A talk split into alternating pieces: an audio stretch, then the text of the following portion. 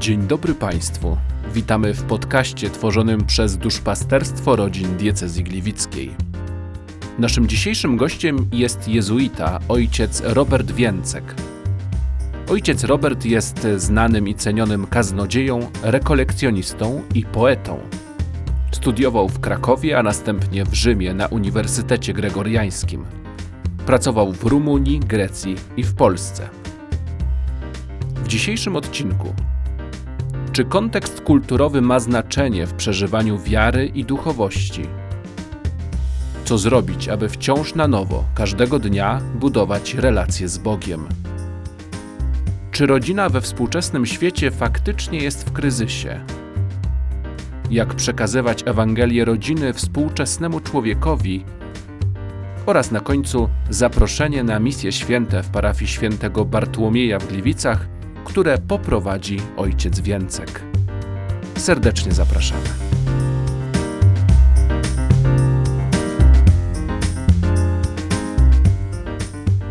Patrząc na ojca stronę internetową i notatkę biograficzną, widziałem, że ojciec w swojej pracy duszpasterskiej e, posługiwał w wielu miejscach. Rzym, Rumunia, to jest ciekawe, Grecja, też bardzo ciekawe. Zacząłem się zastanawiać, czy rozumienie wiary, duchowości, w ogóle osoby Jezusa Chrystusa y, jest tam inne niż w Polsce. Ja bym zaczął trochę inaczej, to znaczy y, zarówno w Rzymie, w Rumunii, jak i w Grecji y, spotkałem pięknych ludzi.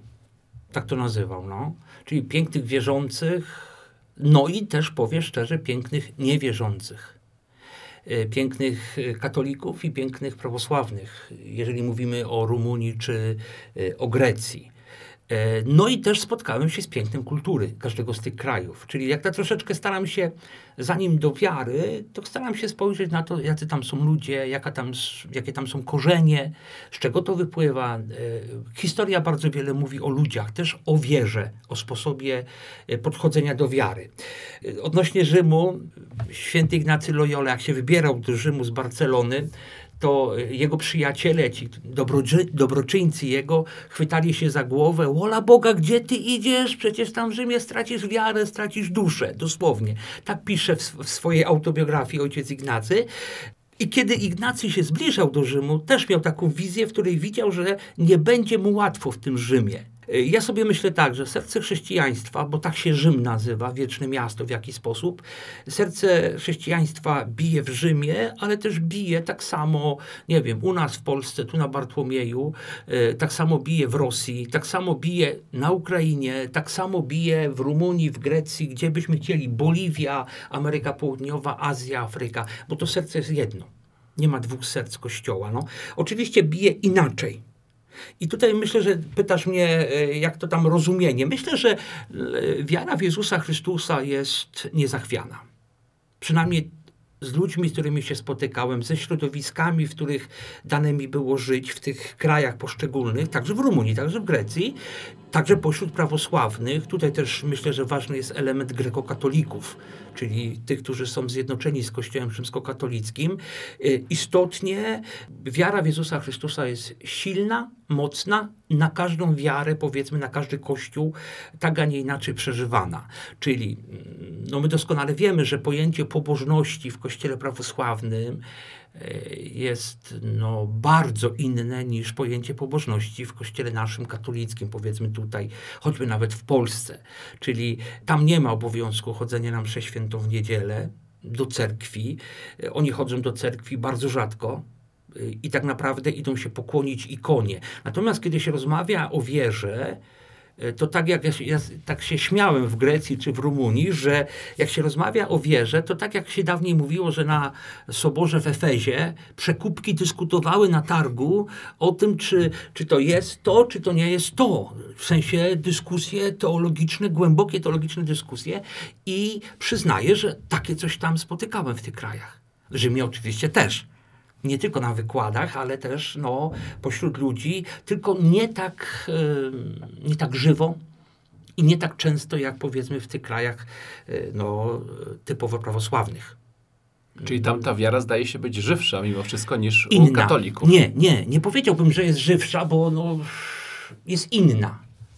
y, na tej zasadzie, że y, my, dla nas wiara to jest też taka jedność sakramentalna z Bogiem, czyli to, co my, nasze sakramenty, y, nasze uczestnictwo w Eucharystii, y, no przynajmniej raz do roku do spowiedzi i tego rodzaju rzeczy, one nam mówią o tej rzeczywistości, którą my określamy w definicji sakramentu, że obecność Pana Boga.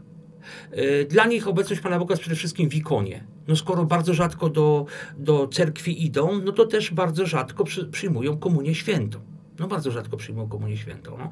Dla nich obecność fundamentalna to jest ikona. Święta ikona, y, te pokłony przed ikoną i tak dalej. No to jest ich sposób wyrażania, ale też no... y, u nas jest trochę tak, że jak już człowiek przestanie chodzić do kościoła, to też powoli zaciera się wiedza, nawet wiedza ta pacierzowa, katechizmowa, po prostu się zaciera, zostawiamy to na boku. E, To jest przykryte kurzem bardzo często, bardzo często zapi- e, za, zapomniane, ale też często wypierane. Z różnych względów, tu nie ma co oceniać, tylko jest taka rzeczywistość. Natomiast tam ci ludzie naprawdę pamiętają fundamentalne rzeczy i to jest tak, że ja to widziałem na przykład w Grecji, że y, jeśli ktoś by dotknął prawosławie, no to wtedy jest gotowe, gotowa jest wybuchnąć rewolucja. Autentycznie. Gotowa jest wybuchnąć e, rewolucja. Nie wolno dotykać naszej wiary. Nie wolno dotykać e, tych prawd wiary, które są dla nas bardzo ważne. Nie traktuję tego jako fundamentalizm. Nie, to jest po prostu no, taki ogień, który bucha, który wybucha e, i ci ludzie, e, zresztą e, wiadomo, że Grecja jest krajem wyznaniowym. W konstytucjach ma napisane, że Grecja jest państwem prawosławnym.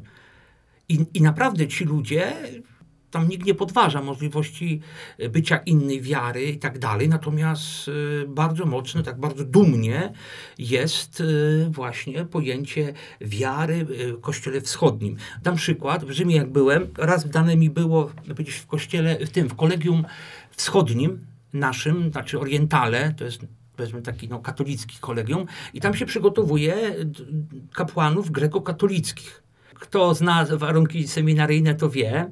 Msza wcześnie rano, to człowiek jest lekko przytomny i tak dalej. I ja tam byłem na tym mszy świętej rano, chyba w pół do siódmej było. To dla mnie było też wyczyn, wyczyn prawie zdobycie Mont Everestu, żeby o tej porze we Włoszech wstawać i iść, ale byłem, bo tam znajomy rektor mnie zaprosił i przyszła, przyszła msza święta, e, msza święta, no troszeczkę w rycie tam Jana Damasceńskiego, ale spokojnie. Jak przyszło Ojcze Nasz, to te chłopaki, wtedy jeszcze było ich dużo, jak oni tak zaspani, widać, że to tam ledwo, to, to tam dyszy na tym mszy świętej, jak padło Ojcze Nasz, jak oni wszyscy stanęli, jak wydobyło się z ich serca to Ojcze Nasz, to tam kaplica drżała. To nie był krzyk, tylko było tak, to było tak intensywne, z takim zaangażowaniem serca. Mi często u nas tego brakuje. Że wiesz, zaczynamy Ojcze Nasz w czasie mszy świętej i gdyby nie było mikrofonu i księdza, który jeszcze umie to Ojcze Nasz, to wiesz, no to prawie by nie było słychać. I ja tam doświadczyłem właśnie tego, że można być no właśnie takim trochę rozlazłym, ale jak przychodzi co do czego, naprawdę wiem na czym stoję. No, mówi ojciec o takiej właśnie e, zaangażowaniu w wiarę. Też śledząc, e, czy czytając e, ojca stronę internetową, widząc tą aktywność duszpasterską, łącznie z pisaniem poezji, zrodziło mi się pytanie, jak to zrobić, żeby wiara nie spowszedniała? Żeby wciąż się chciało chcieć budować relacje z Panem Bogiem. Yy, tak, dobrze to mówisz, bo tu tak naprawdę nie chodzi o to, ile się robi, jak się działa, ile się tam robi projektów, czy się je realizuje, czy nie, ile się daje rekolekcji, ile katechezy się prowadzi, czy też inną działalność, którą w kościele robimy. Myślę, że fundamentalne właśnie to, co pytasz, jak budować, jak trwać, jak rozwijać relacje z Panem Bogiem. I tutaj, yy, jak sobie myślałem yy, o, o tym, to przyszła mi myśl, yy, jak były wybuchy 11 września w Stanach Zjednoczonych, ja wtedy byłem we Włoszech. Oczywiście czarna, cza, no, czy wielka, wielka niewiadoma, nie było wiadomo o co chodzi, co się stało i tak dalej. Ja wróciłem później do, do Rumunii, bo to były wakacje we Włoszech, ja wróciłem do Rumunii, mieliśmy spotkanie e, w Bukareszcie ze stu- studenci e, i przyjechał do nas obecny kardynał e, Czerny. On był wtedy odpowiedzialny u jezuitów za cały apostolat e, społeczny, socjalny w, w Towarzystwie Jezusowym. Czyli chłop, który wie, co się dzieje w Afryce, w Azji, w Amerykach obu i w Europie, czyli naprawdę obeznany w tych sytuacjach trudnych i tak dalej, społecznych.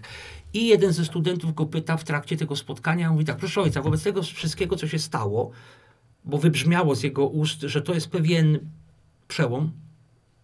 Naprawdę, ten wybuch tam wtedy, ten, ten atak wtedy, to był pewien przełom w kulturze światowej. To nie była kwestia tylko jakiegoś tam ataku terrorystycznego, takiego, nie wiem, w cudzysłowie zwykłego. Nie, nie. I on mówi tak, moją odpowiedzią na twoje pytanie jest, co robić, to jest modlić się, modlić się i jeszcze raz modlić się człowiek, który bardzo zaangażowany w sprawy społeczne, w projekty, w niesienie pomocy, czyli bardzo praktyczny człowiek, mówi, że odpowiedzią na to wszystko, co się dzieje w nas i wokół nas, czyli też to, co robimy, albo tego, co nie robimy, nasza aktywność i tak dalej, musi być, u, u źródeł musi być modlitwa. Czyli jak mnie pytasz, no, no przyznaję, że staram się modlić. Staram się modlić każdego dnia, każdego dnia staram się rozważać Słowo Boże, każdego dnia staram się być na adoracji Najświętszego Sakramentu. Nie zawsze wychodzi. Y, czasami wiadomo, że są górki, że są dołki. Czasami się nie chce, tak się nie chce, że człowiek się modli, oby mi się tak chciało, jak mi się nie chce. No. Ale myślę, że, że to jest dla mnie to jest najważniejsze, bo co, ja sobie nie wyobrażam, że, że codziennie nie czytam Słowa Bożego, nie słucham Słowa Bożego, bo codziennie to Słowo mi coś przynosi. E, na przykład ja bardzo nie lubię e, powtarzać kazań. Nie, no ja mam je napisane, są zebrane w, w, zbiory i tak dalej, i tak dalej, ale ja bardzo nie lubię powtarzać, bo ja chcę, ja się dzielę z reguły na, na homilii, na kazaniu, dzielę się tym, co przeżyłem dzisiaj na modlitwie, na spotkaniu z Panem Bogiem. Dla mnie to jest żywe, dla mnie to jest pulsujące. Dla mnie to jest coś, co, co Pan Bóg mi mówi, no, i jak staram się to przyjąć do siebie i też się podzielić z innymi. I to jest dla mnie fundamentalne w tym e, trwaniu, e, no, w tej wierze, żeby ona nie spowszedniała. No, czyli to jest kwestia codziennych wyborów. Jak się modlić, kiedy brakuje czasu? Bo to jest częsty temat, który się pojawia. Często. No, i zdaję sobie sprawę z tego, że no, nasz świat zwariował, żyje w takim pośpiechu i w takiej ilości aktywności, działania, że tak jakby zostało wycięte, wytrzebione w nas pragnienie uciszenia, y, nieaktywności. No a modlitwa jest no, brakiem aktywności, bo modlitwa jest spotkaniem. Przecież nie chodzę na spotkanie, na randkę z notatnikiem nie robię notatek, nie przygotowuję kazania czy coś tego rodzaju. No. Y, tylko idę na spotkanie z człowiekiem, żeby sobie z nim pogadać i tak dalej. I w tym momencie wydaje mi się, że tutaj tak, mamy mało czasu, ale ja mówię, że to, to nieprawda, że nie mamy czasu. Kiedyś e, jeszcze Benedykt XVI, papież senior, na któreś Boże Narodzenie mówił, że jeśli nie mamy czasu na, na modlitwę, to znaczy, że nie mamy czasu na Boże Narodzenie, że nie mamy czasu na przyjęcie Pana Boga. U nas bardziej to jest kwestia że, e, mówienia, że nie mamy dużo czasu. Yy, nie mamy ani dużo, ani mało, mamy 24 godziny. Niech nikt nie próbuje tego rozciągać, bo sobie krzywdę zrobi i innych zdenerwuje. Natomiast wydaje mi się, że tu chodzi, żeby był, nie chodzi o to, żeby było dużo czasu, tylko żeby był czas na to, by się pomodlić. I w tym momencie ja tutaj daję zawsze małżonkom na przykład, daję bardzo jasny przykład. Yy, to, co w transporcie jest największą stratą, to są wolne przebiegi. I teraz, no, no rozejrzyj się, jedziesz z tymi dzieciakami do szkoły, ok, zawozisz je do szkoły, potem jedziesz do pracy. Ile to jest czasu? 5 minut, 7 minut, czasami dłużej. Co ty wtedy robisz? Może wtedy, y, y, jeżeli sam y, nie umiesz tego, są aplikacje, które uczą modlitwy, które, które no, nawet wręcz podają, żeby sobie w tym uczestniczyć. Są aplikacje, gdzie możesz się modlić różańcem razem, gdzie możesz Słowo Boże słuchać. Na nasze czasy są takie sposoby i tyle środków, że tylko właśnie chodzi o to, żeby e, ten czas e, wolnych przebiegów, żeby nie był stratny tylko żeby był konkretnym czasem naszego też choćby nawet spotkania w, e, w, modlitwie z Bogiem. No oczywiście nie da się tylko indywidualnie, czyli modlitwa wieczorem rodzinna, króciutka, niech to będzie dziesiątka różańca, ja nie wiem. Myślę, że to jest do zrobienia. Myślę, że to jest do zrobienia. A tutaj, jak mnie pytasz, to jedno z największych narzędzi, które używam codziennie, to jest rachunek sumienia wieczorem. I to nie katowanie się, e, co złego zrobiłem, tylko pytanie jest bardziej, ja tak e, właśnie wczoraj to wymyśliłem, znaczy przyszło mi na myśl z Ewangelią z niedzieli. Po pierwsze, e, zadaję pytanie, czy widzę, jak Bóg mnie kocha, jak mnie umiłował dzisiaj. I drugie pytanie, czy widzę, że dzisiaj bardziej pokochałem Pana Boga, czy nie widzę. Czyli o to chodzi, że dobra, no, błędy zawsze robimy, czasami mamy gorszy dzień, czasami mamy lepszy dzień, ale zobaczyć to, że się udało, że jest dobre, dobre rzeczy się podziały i to one nas sycą. To jest moja myśl, na pewno na misjach parafialnych też nam wyjdzie, y, że dobro zawsze nasyca, nawet najmniejsze, zło natomiast zawsze wysysa.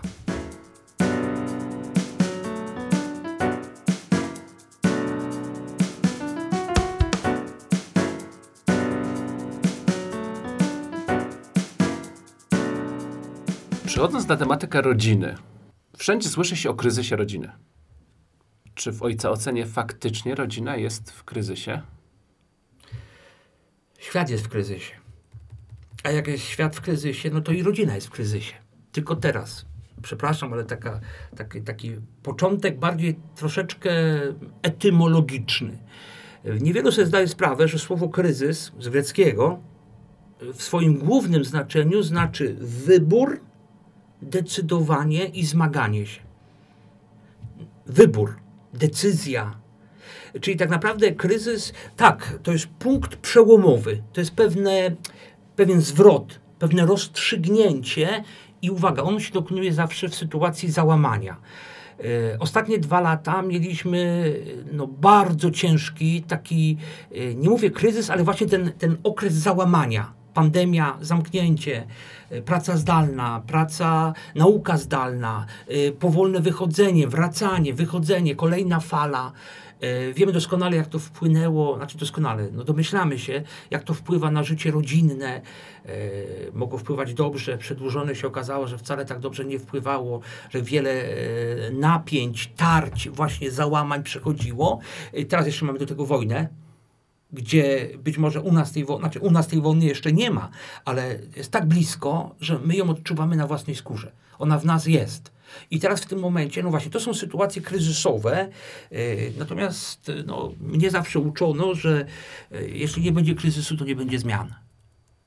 I jeżeli nawet tak moglibyśmy powiedzieć, że rodzina jest w kryzysie, no bo jest, widać, yy, no choćby nawet patrząc na statystyki, no, kwestia rozwodów, kwestia no, zostawiania dzieci, yy, kwestia niedogadywania się i tak dalej, i tak dalej. Ile, ile jest yy, kłótni o majątek, o pracę, o to, kto ma co ile robić i tak dalej, i tak dalej. No to świadczy o kryzysie, ale to nie znaczy, że to ma być na zasadzie, że to jest wszystko do B. Ja nie lubię, jak się mówi, czasami się wpada w tony krytycyzmu, skrajnego krytycyzmu, że wszystko jest źle. Nieprawda.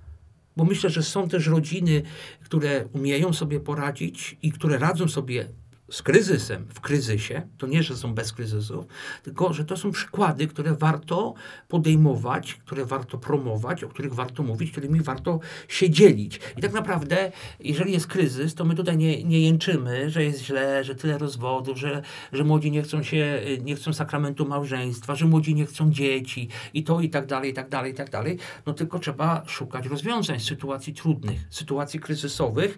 Yy, No i z reguły te rozwiązania są takie, że one wymykają się z naszym przyzwyczajeniom. Czyli, że trzeba coś inaczej pomyśleć. Inaczej pomyśleć. Ja to zawsze mówię, że trzeba e, podać to, co jest e, w innej szacie. To jest trochę jak się idzie do restauracji e, i zamawiasz kotleta, którego normalnie w domu jesz i ten kotlet jest całkiem inaczej podany. Ten sam kotlet, ale jest całkiem inaczej podany, no i czujesz się inaczej. To nie, że w domu jest gorszy. Ja wolę domowy kotlet, no, ale my widzimy już tą różnicę, bo jest inaczej podany. I tutaj y, ja myślę, że trzeba przemyśleć pewne modele i przemodelować te modele. Nie zniszczyć, tylko zobaczyć, wyciągnąć z nich to, co jest takie powiedzmy odpowiednie, odpowiedniejsze do naszych czasów, do sytuacji, w której żyjemy. Ja to wyczytałem w, w tej encyklice Amoris Leticia, no, że y, papież tam pisze, że kryzys może wynikać też z tego, że są postawione zbyt wysokie oczekiwania dotyczące życia małżeńskiego. I tu wcale nie chodzi o poziom moralny. Tylko bardziej chodzi o to, że e, żony chcą więcej, zbyt wygórowane mają oczekiwania od, me, od mężów, mężowie od żon, rodzice od dzieci, dzieci od rodziców i wtedy już się chwieje równowaga. Bo tak naprawdę, jeżeli, byśmy, jeżeli bym miał opisać, jak ja widzę ten kryzys, to nie widzę go, że to wszystko jest wielki, wielki upadek. Ja bardziej to widzę w kategoriach, że jest brak równowagi, takie pewne e, nie, niezrównoważenie. Niezrównoważenie, które no, e, z igły robi widły. Tak mniej więcej. Wspomniał ojciec o Amoris Letitia. E, Już mm, 6 lat minęło, odkąd papież Franciszek opublikował tą adhortację poświęconą rodzinie. Takie pytanie, czy udało się nam jako Kościołowi zrozumieć, co papież chciał do nas powiedzieć w tej adhortacji? Szczerze? Myślę, że nie. Myślę, że nie. To znaczy, z Amoris Leticia wyszło tak trochę jak e, z Humane Vitae Pawła VI. E, że tak naprawdę e, ja czasami też dyskutuję o Humane Vitae, znaczy dyskutuję, rozmawiam. Natomiast rozmawiam tylko z kimś, kto przeczytał całe Humane Vitae, a nie tamten, chyba to jest 15 albo 16 punkt, w którym e, Huzia na Jurze przyszła, bo papież poruszył temat antykoncepcji no, cała wojna o to idzie, o ten punkt właściwie. Natomiast e, no, ta encyklika, jak się ją przeczyta, no to człowiek myślący, nawet niekoniecznie musi być wierzący, tylko człowiek myślący i widzący historię ostatnich 100-200 lat, on widzi, że to była encyklika prorocka gdzie jak się czyta Humane Vitae, to się widzi, że papież mówi, e, tak, tak jest, w tym kierunku to idzie. Jeśli my tu i tu nic nie zrobimy, to będzie tak i tak. Wypisz, wymaluj. No, to każdy może sobie sięgnąć, tu nie ma co tam cytować i tak dalej. Dlatego wydaje mi się, że e, no, e, przekaz tej, tej adhortacji e, był skrajnie jednostronny. To znaczy skupiono się na tym, na tym punkcie, gdzie tam papież mówi o, e, o komunii dla, dla mm, tych, e, którzy żyją w nie, nie w sakramencie małżeństwa i tak dalej, i tak dalej. E, Gdzie tak naprawdę ja się zastanawiam, czy ci, którzy to przekazywali dalej, czy oni przeczytali tą całą e, adhortację. Przyznaję, że to jest jedna z najdłuższych adhortacji. Są tam naprawdę momenty długie. Tylko jak czytałem, e, ja sobie czytałem adhortację, też komentarze i w jednym komentarzu mnie zauroczyło po prostu, jak jedna kobieta świecka pisze, że ona przeczytała i ona przeczytała tą adhortację jako list od przyjaciela Franciszka. I przyznaję, że wtedy już nie czytałem jeszcze raz, ale przejrzałem sobie tą adhortację w tym kluczu. Byłem zdumiony, że naprawdę można tak przeczytać tą, tą adhortację i ona niesamowicie pasuje. No, yy, jak chcemy coś powiedzieć o tej adhortacji, to trzeba zobaczyć całość, przetrawić. Nie tylko ten jeden punkcik wybrany, rozdmuchany, e, oczywiście zarówno przez, e, nazwijmy to prawicę, jak i lewicę, wierzących, niewierzących, rozdmuchane to wszystko było, a nikt, kto tam zobaczył, że to jest przepiękny projekt małżeństwa i rodziny, e, właściwie to samo, co od wieków mówi wiara chrześcijańska, tylko podany na inny sposób właśnie. Właśnie ten kotlet inaczej podany, nie odgrzany, tylko podany inaczej podany inaczej. Ja tutaj sobie tak wypisałem trochę, no, cały tam potężny pasus o przygotowaniu do małżeństwa. No, tyle się trąbi w kościele i też w kościele polskim o przygotowaniu do małżeństwa. Jak to przygotowanie wygląda? No, jakbyśmy tak przeczytali, tam są gotowce, tylko żeby to robić. I żeby zapraszać chętnych, nie na siłę, no ale żeby zapraszać chętnych. No, obecnie przygotowanie do małżeństwa to raptem są cztery spotkania w wielu diecezjach. No.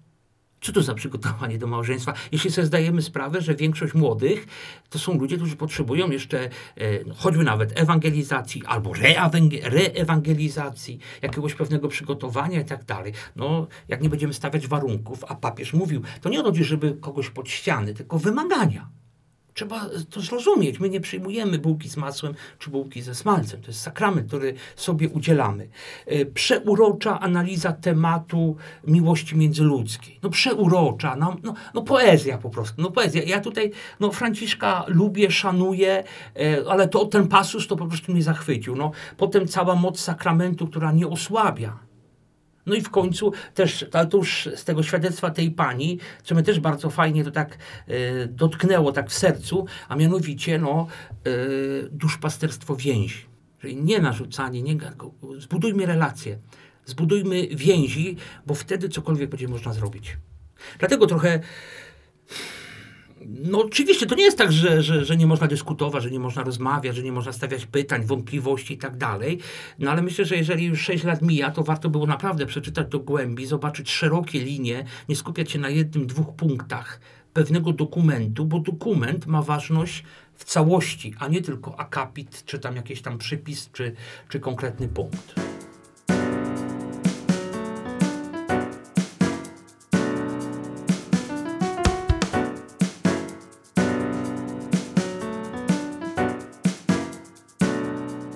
Jak w ocenie uzasadnić współczesnemu człowiekowi takie prawdy jak nierozerwalność małżeństwa, jak naturalne planowanie rodziny, jak czystość przedmałżeńską? Jak o tym mówić, żeby to było zjadliwe dla współczesnego człowieka, szczególnie młodego człowieka? Nie mówić. Przepraszam, ale tak mi się nasuwa, bo y, ja tutaj wychodzę, że jeżeli mam mówić do kogoś, u którego wiara e, nie ma e, bazy, no to to będzie no, gadanie abstrakcyjnych rzeczach, nie wiem, e, fizyka kwantowa, coś tego rodzaju, jak tam gławice się poruszają, czy się nie poruszają. To, to, no, no zobacz, że często jak próbujemy o tym mówić, no to tak jakbyś gadał o kosmosie, patrzą na ciebie jak na kosmitę, no o czym ten ufoludek gada, no i tak dalej, no. Bo tak to mniej więcej wygląda. Yy, ja nie mówię, żeby nie mówić. Natomiast no, trzeba przygotować do, takiego, do, do takiej, no, takich tyrad, no, tych mocnych, nierozerwalność małżeństwa, naturalne planowanie rodziny, czystość przedmałżeńską. Dlaczego? Yy, no bo tak naprawdę dla tych młodych ludzi doświadczenie tego wszystkiego to jest bajka. To jest bajka. I mówię, nie, nie zniechęcać się. Podkreślam raz jeszcze, trzeba mówić. Trzeba znaleźć, szukać odpowiednich sposobów, tylko żebyśmy też założyli z góry, że my tego świata nie zbawimy, bo nie od tego jesteśmy. No. Natomiast y, gdzie dzisiaj młodzi mają nierozerwalność małżeńska? Jak, jak to widzą pośród swoich przyjaciół, pośród swoich rodzin, pośród swoich najbliższych, dalszych, bliższych i tak dalej, rówieśników też. Gdzie oni i co oni widzą w telewizji? Co oni widzą w internecie, co oni słyszą i tak dalej, i tak dalej. No, że to jest systematyczne niszczenie takiego czegoś, co się nazywa małżeństwem. Już zostawmy nierozerwalność, tylko samym małżeństwem. Jakie naturalne planowanie rodziny? No skoro się nie myśli o rodzinie, to jakie plan planowanie rodziny?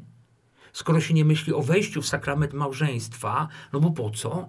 No to jakie planowanie, e, naturalne planowanie rodziny? No, no i skoro ten świat no, cały czas mówi, że wszystko mi wolno, no to jaka czystość przedmałżeńska? To jest taki no, trochę czarny obraz rzeczywistości. Mm, no i to też bardzo mocno wiąże z kryzysem rodziny. Bo tak naprawdę e, tego rodzaju doświadczenia, tematy, e, to jest kwestia, co wyniosłeś z domu. Co wynieśliśmy z domu. No.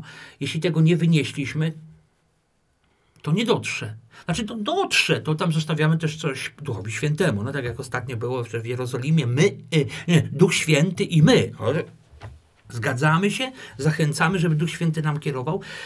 Natomiast ja myślę, że y, fundamentalne dzisiaj jest po prostu no, odbudowa rodzin, znalezienie języka, w, w którym w rodzinach i rodziny mogłyby odnaleźć siebie w Słowie Bożym, w wymiarze wiary, który nie jest jednym z wymiarów, ale który jest jak oddech, jak woda, jak tlen, jak e, światło.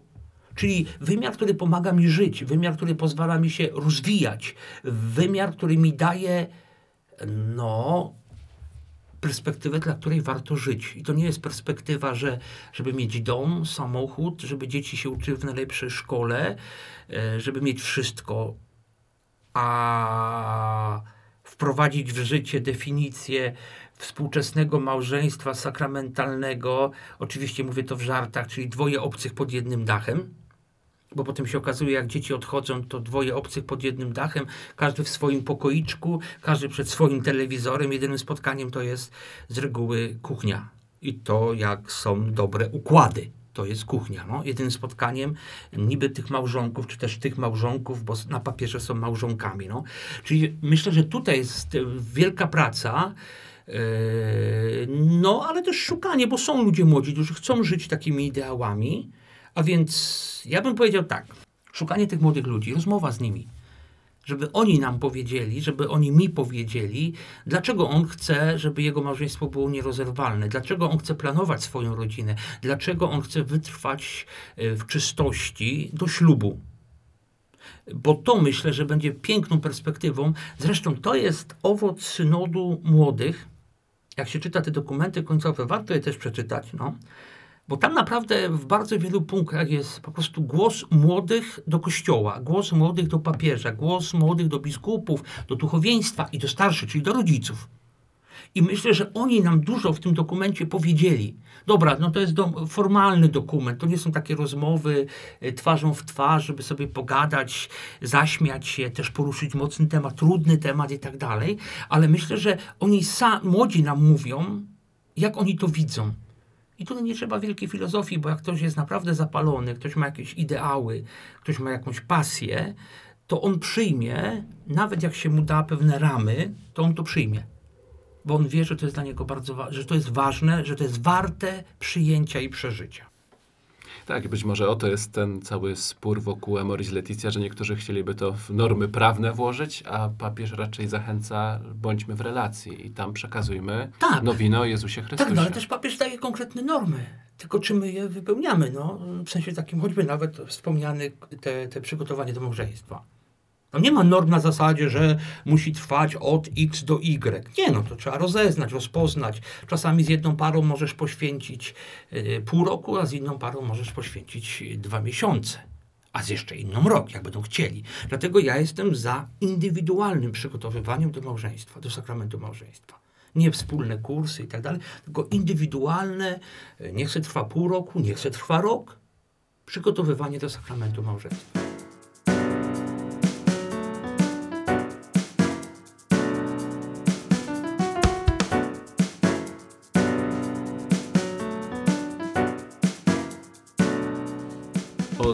5 do 12 czerwca będzie ojciec y, w Gliwicach y, i będzie ojciec prowadził misje święte w parafii świętego Bartłomieja. O czym ojciec będzie mówił? Ojej, ja wierzę w Ducha Świętego i w to, że On to poprowadzi. Ale tak e, sobie myślałem, dzisiaj, dzisiaj skończyłem rekolekcję dla sióstr jest piękna Ewangelia, e, pierwsza taka mocna zapowiedź Ducha Świętego no, e, od Pana Jezusa. I takie, tutaj mi się takie sko skojarzyły mi się 4P.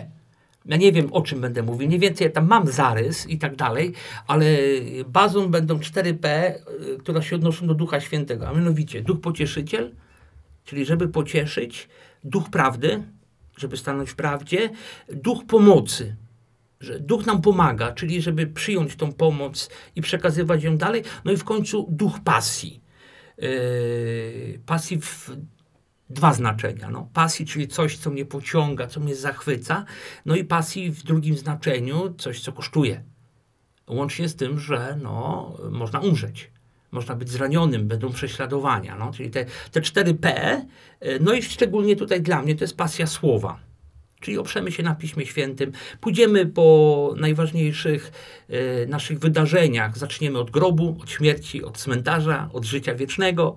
E, pójdziemy do małżeństw, pójdziemy do chorych, pójdziemy do dzieci, pójdziemy do młodzieży. To wszystko się na, na, plania, na planach ukaże. Natomiast bardziej, no, chciałbym Pana Jezusa przekazać. Ja na przykład nie będę wybierał żadnych specjalnych czytań. Jedziemy po kolei, tak jak liturgia Kościoła nam daje i będziemy starali się odpowiadać na to, e, no nie w, nie w tej, no powiedzmy, w prawosławnej mentalności, bo to nie nasze, czyli w naszej mentalności msza święta z kazaniem, koronka do Bożego Miłosierdzia, jakieś dodatkowe spotkanie, uwielbienie, konferencja, możliwość spowiedzi, czyli chodzi o takie dmuchnięcie w ogień. Czy misje są ważnym elementem życia parafii? Dawniej to misje były systematycznie robione w parafiach, teraz się robi to rzadziej, ale myślę, że to jest bardzo ważny element. Czyli robi się je raz na kilka lat po to, żeby, yy, no właśnie, po to, żeby stanąć nie trzy dni, nie cztery dni, tylko cały tydzień, tak jak będziemy to tutaj e, starali się zrobić przez ten cały tydzień, po to, żeby zadać sobie konkretne pytania o moją wiarę, ale też o naszą wiarę jako wspólnota parafialna. Tu nie ma żadnej rocznicy, no, nie ma żadnej rocznicy, ale co jest? Żyjemy w bardzo trudnym czasie. I myślę, że to bardzo dobra intuicja proboszcza była, że y, nawet jak rozmawialiśmy, to jeszcze nie. Pandemia już mniej więcej coś tam się tam pojawiało, ale wojny nie było nawet mowy. No. A, a my, wydaje mi się, jesteśmy w takiej sytuacji y, tej społecznej, też tej naszej sytuacji w ojczyźnie, ale też tej sytuacji no, związanej z wojną, y, z pandemią, która się skończyła, ale której skutki do dzisiaj i myślę, że długo będziemy jeszcze nosić. Y, Cały czas jest to, co się dzieje w kościele, w środku, to, co się dzieje w naszych rodzinach. Y, I myślę, że takie misje dla każdego mogą coś znaleźć. Każdy może coś tam znaleźć dla siebie, coś, co by było dla niego takim, takim punktem wyjścia, przyczółkiem, gdzie można byłoby spróbować, że, że warto uwierzyć że warto na Panu Bogu e, stawiać. E, To jest tak, jak mówi święty Ignacy Loyola, no, jestem jezuitą, czyli cytuję Ignacego, a mianowicie, że tak zaufaj Panu Bogu, jakby wszystko zależało od Niego, a tak pracuj, jakby wszystko zależało od Ciebie. I myślę, że gdzieś w tym kierunku też pójdziemy, żeby ta ufność w nas wzrosła, żeby ta wiara się pogłębiła, żeby nadzieja się obudziła, a przede wszystkim, żeby zapłonęła miłość. Na, każdy na swoim poziomie. I myślę, że później będziemy zbierać owoce. Czyli jednym słowem bardzo serdecznie wszystkich zapraszamy na, e, Bardzo na misje serdecznie. święte w parafii świętego Bartłomieja. I Będzie nie można- tylko parafian. Tak, tak, tak. Będzie można spotkać się z ojcem, e, będzie można posłuchać też, e, jak ojciec przeżywa relacje z Jezusem Chrystusem i tym się też ubogacać. Bardzo dziękuję ojcu za rozmowę, że znalazł ojciec czas dla nas. Dziękuję bardzo też. Z Panem Bogiem. Z Panem Bogiem. Dziękuję.